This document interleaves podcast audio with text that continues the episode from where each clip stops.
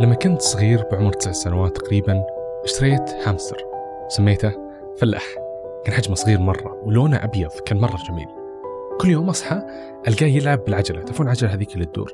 يركض بشكل مستمر وكنت دائما أجلس أفكر ليش ما يطفش؟ حرفيا لأني أنا طفشت. كل يوم يسوي نفس الشيء. وهل هو يتوقع أنه قاعد يركض لمسافات كبيرة؟ هو ما يعرف أصلا أنه هو بنفس المكان. لكن بعد أشهر مرض الهامستر ومات. وما كنت أعرف سبب مرضه. كان مرة غريب ومفاجئ. قلت أكيد أنه مات من لعبة العجلة. كبرت ومع انشغالي بالحياة صارت تجيني أيام ملل من الأشياء اللي أسويها كل يوم بنفس الوقت. كنت دائما أتذكر فلاح الهامستر اللي كل يوم يدور بنفس العجلة. هل إحنا فعلا كبشر زي الهامستر؟ كل يوم ندور على نفس العجلة؟ هذا البودكاست من إنتاج محتويس. هذا البودكاست برعاية زين. أنت فوق جبل طويق ولا في الصحراء ولا حتى تصلي في الحرم. الجيل الخامس من زين يغطي لك أسرع بعشر مرات من سرعة الجيل الرابع وب 27 منطقة حول المملكة. تقنية الجيل الخامس من زين عالم جديد. يوصلك وين ما كنت. تفاصيل الحصول على الخدمة بنحطها في الأسفل في وصف الحلقة.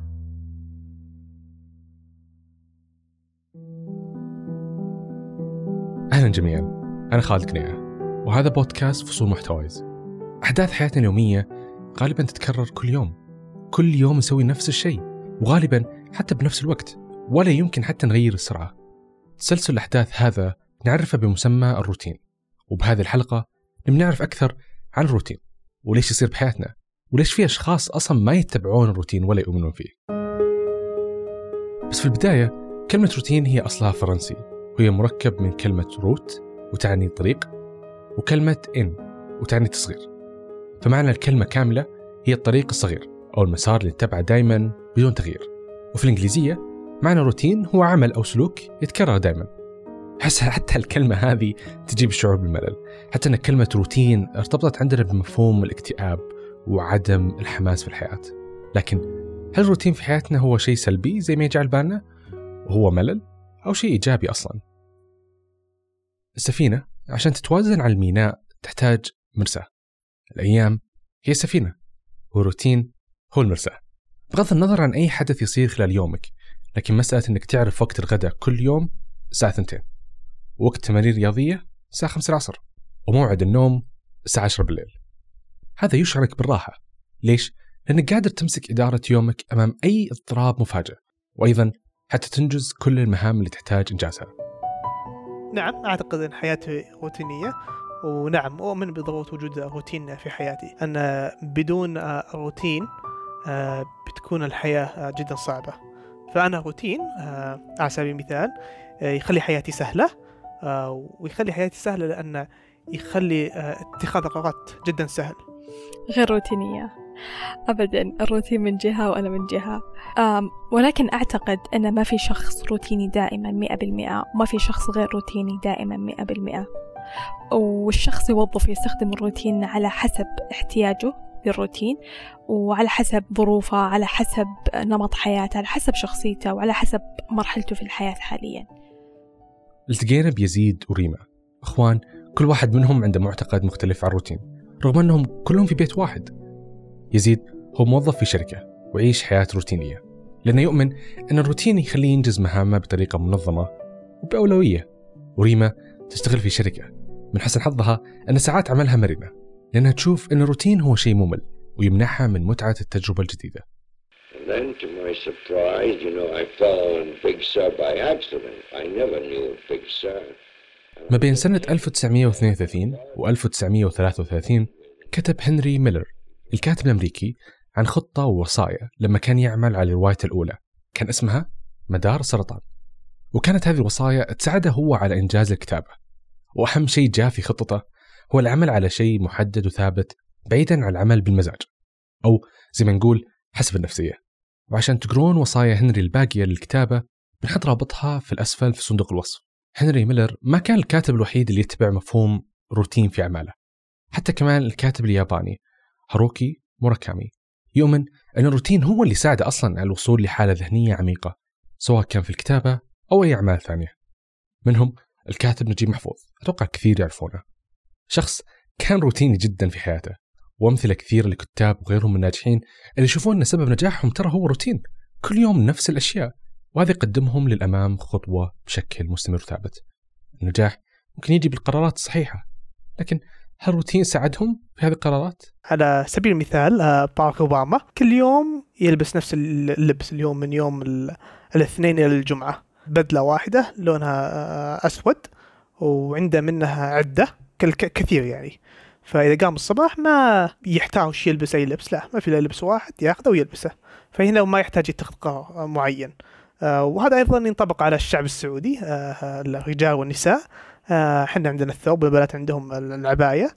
آه، ما يحتاج يقررون وشو اللبس آه، المناسب آه، لهذا اليوم. اتخاذ قرار أو صنعة هو شكل من أشكال التخطيط وتوصف عملية صنع القرار بأنها روتينية لأنها ناتجة عن التخطيط.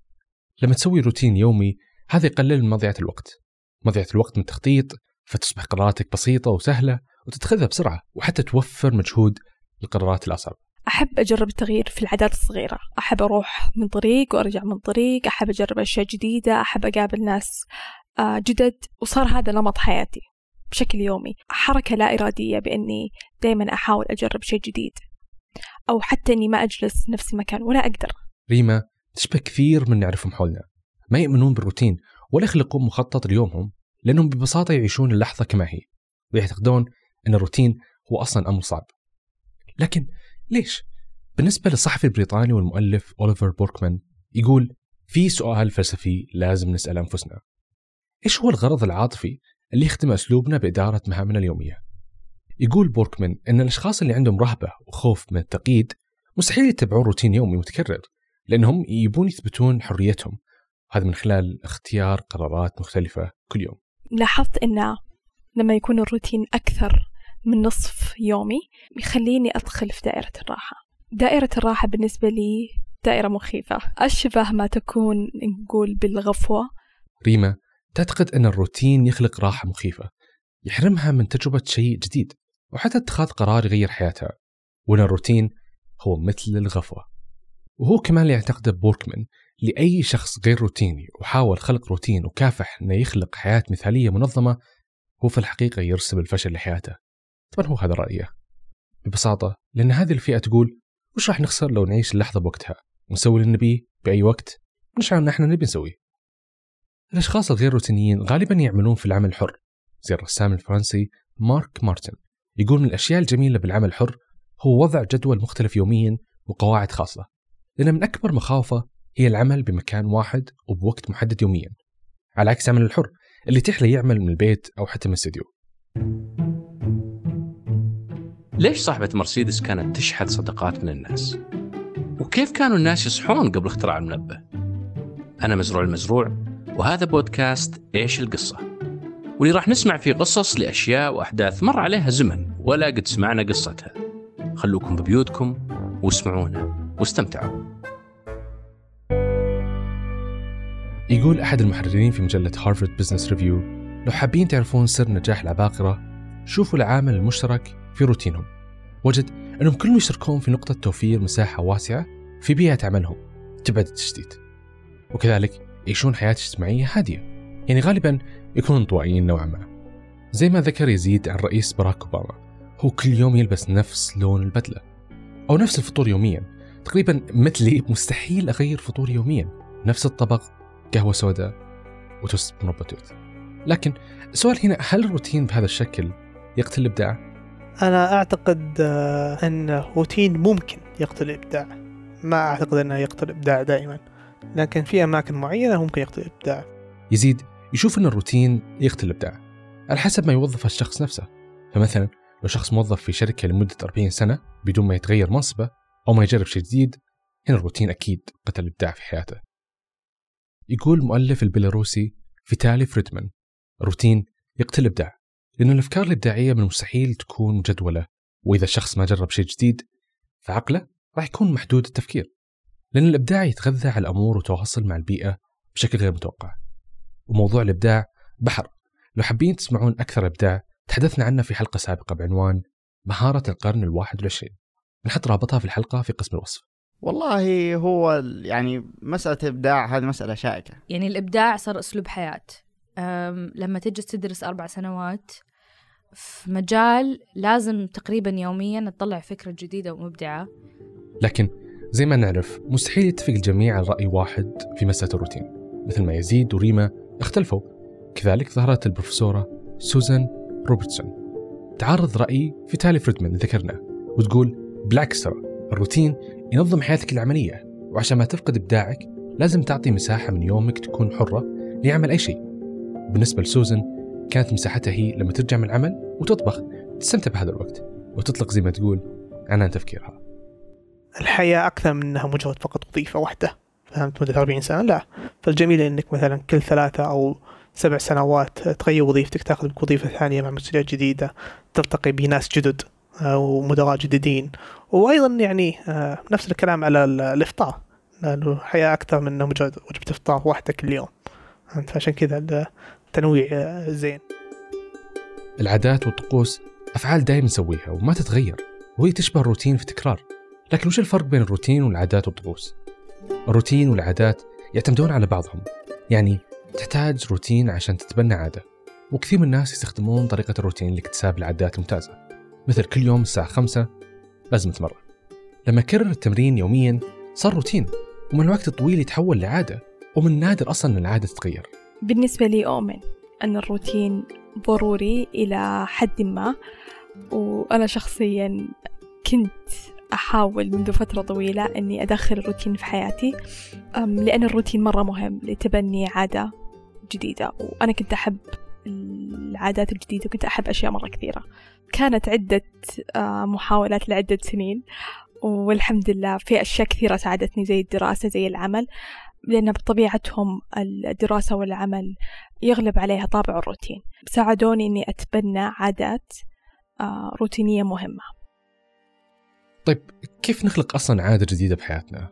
في كتاب The Power of Habit ذكر طريقة فعالة لاكتساب العادات الجيدة وهي تذكير بعدين روتين بعدين مكافأة. على سبيل المثال.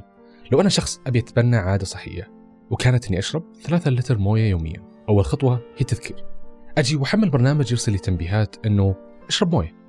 بعد التذكير أكيد بقوم وأشرب فيصير روتين لأني راح أكرر هالفعل. عشان أستمر على الفعل بتكون في مكافأة لنفسي. أشبه بشيء يخليني سعيد حتى أشعر بالرضا بعد ما أسوي الفعل هذا لأني دخلت عادة صحية في حياتي.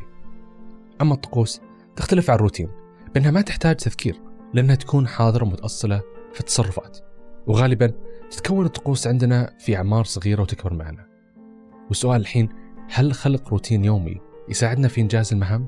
الشخص وضع له آه، قائمة من المهام اللي يسويها في هذا اليوم. ومثلا يعتقد كل مهمة آه، كم تأخذ من الوقت؟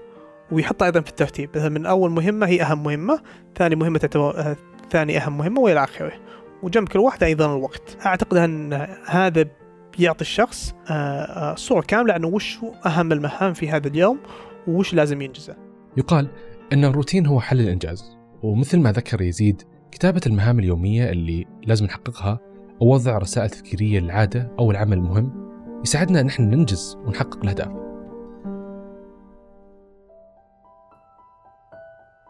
يمكن يكون الروتين هو قاتل الإبداع ويمكن هو أصلا سبب النجاح. لكن في النهاية السر هو طريقة الروتين اللي يتعامل معها الشخص تحديدا. شكرا لاستماعكم لا تنسوا مشاركة الحلقة واكتبوا لنا في التعليقات هل أنتم أشخاص روتينيين أو لا؟ وهل حققتوا أهدافكم لما اتبعتوا الروتين؟ راح أنتظركم. راح نقراها كلها ترى. كان معكم خالد قنية يومكم سعيد.